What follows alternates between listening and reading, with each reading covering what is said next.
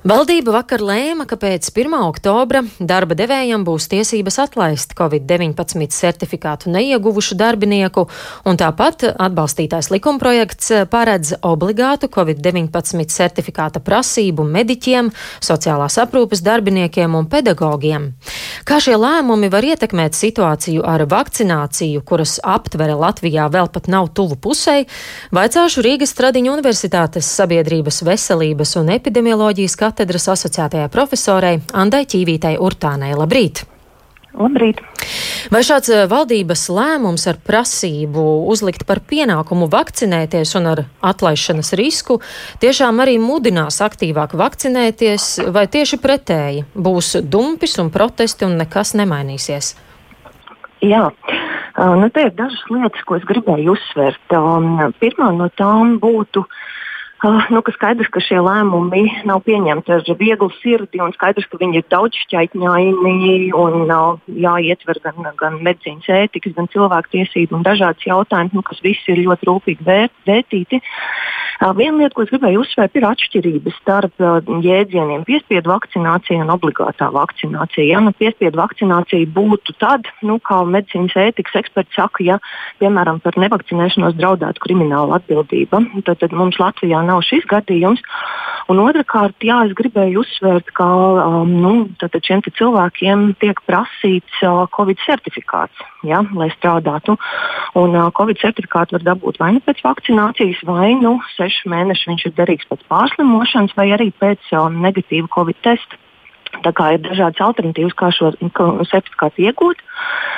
Um, attiecībā uz to vakcinācijas tempu, nu, es nedomāju, ka šī būs tāds nu, atslēga aktivitāte, uh, nu, kas atrisinās visas vakcinācijas problēmas un pilnīgi visi iedzīvotāji pēc šī vakcinēsies. Bet, nu, paskatoties zinātniskos pētījumos, tiesa gan, kas lielākoties ir veikti bērnu populācijās, nu, tie rāda, ka šādas nu, kā, nu, obligātā vakcinācija, ko mēs varētu teikt, kas ir uh, daudzās valstīs bērniem paredzēta, piemēram, lai bērnu dārzus apmeklētu, valsts apmaksātos, uh, nu, ka viņi strādā, jā, un tas, tā, tā vakcinācijas aptvere tiek palielināta.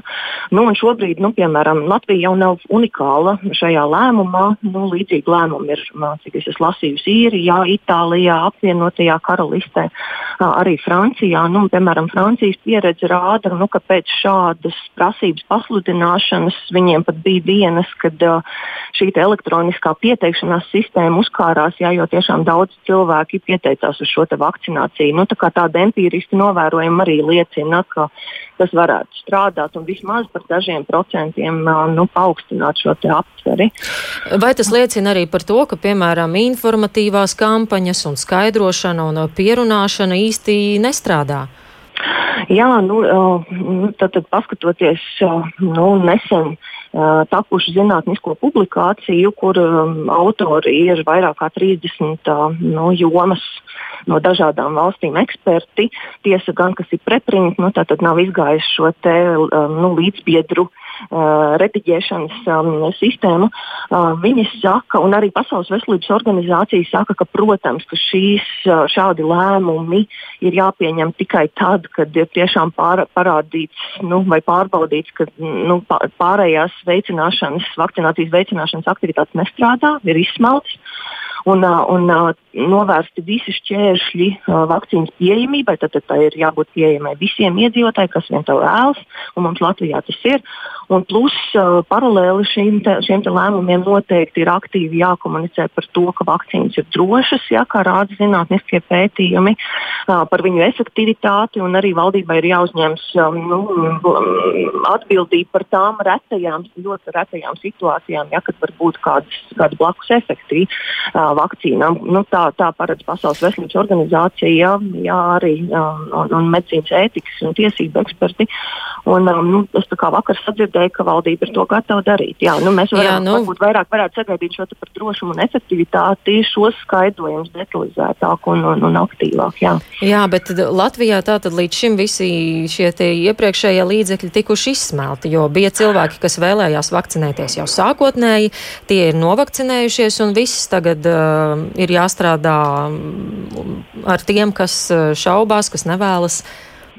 Nu, jā, nu, taisnība, jā, jo, jo nu, mēs redzam, ka vakcīna šobrīd ir pieejama visiem. Jā.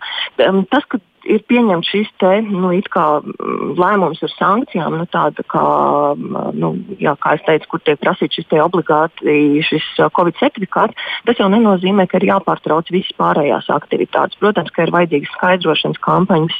Um, uh, nu, ir uh, redzam, ka nu, no citu valstu pieredzes, ka vecāko cilvēku vidū ļoti labi strādā individuāla uzrunāšana. Jā, nu, tad, jo gados vecāku ļaudis ir šī īpašā riska grupa attiecībā attiecībā uz Covid-19. Tam visam paralēli ir jānotiek, jā, protams.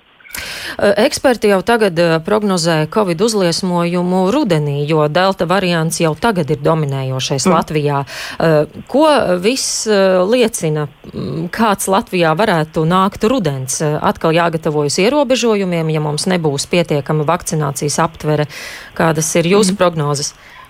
Jā, nu arī skatoties uh, citu valstu pieredzi un tam, to, ko saka starptautiskie eksperti un publikācijas, tad uh, un arī pēc tādiem epidemioloģijas loģikas principiem, uh, nu, rudenī izskatās, jā, ka uzliesmojums būs. Nu, tas ir tīri saistīts ar to, ka cilvēki atgriežas darba kolektīvos, telpās, brīvā laika pavadīšanas kolektīvos, jā, un arī nu, tīri uh, nu, tādi nu, fizikāli apstākļi, ja varētu teikt, nu, augstajos gadu laikos, jā, tad gaisa pilieni uzturas gaisā ilgāk, jā, pirms viņi nu, tā vienkārši izsakoties nokrīt lejā un arī kļūt tādu sausums, jo gaisa ir sausāks un tā tālāk. Tā kā nu, tāda loģiska apsvēruma un šīs te, nu, gaisa piliena infekciju sezonālā daba tiešām liecina, ka rudenī ir sagaidāms atkal nu, kāpums jaunajiem gadījumiem. Nu, tas, cik, li, cik um, nu, liels būs šis uzliesmojums un ar cik smagām sekām, nu, tas tiešām ir ļoti tiešā veidā atkarīgs no vakcinācijas. Mm, nu, plus vēl viena lieta, ko es gribēju uzsvērt, ir vakcinācija, un, un ko es skatos masu mēdījos vai nu, drīzāk sociālajos tīklos, ir tāda vēl valda. Uh, ja, ka nu, vakcīna tas ir tikai uh, sevis pasargāšanai, ja, bet nē, nu, nu, jau pētījumi uh, liecina diezgan pārliecinoši, ka tas ir arī transmisijas profilaksē. Tad, tad uh, šie cilvēki, kur ir vakcinējušies, uh, diezgan efektīvi neizplata. Ja, nu, tas cipars nav 100%, bet ir tuvojās tam, ja uh, neizplata infekciju tālāk.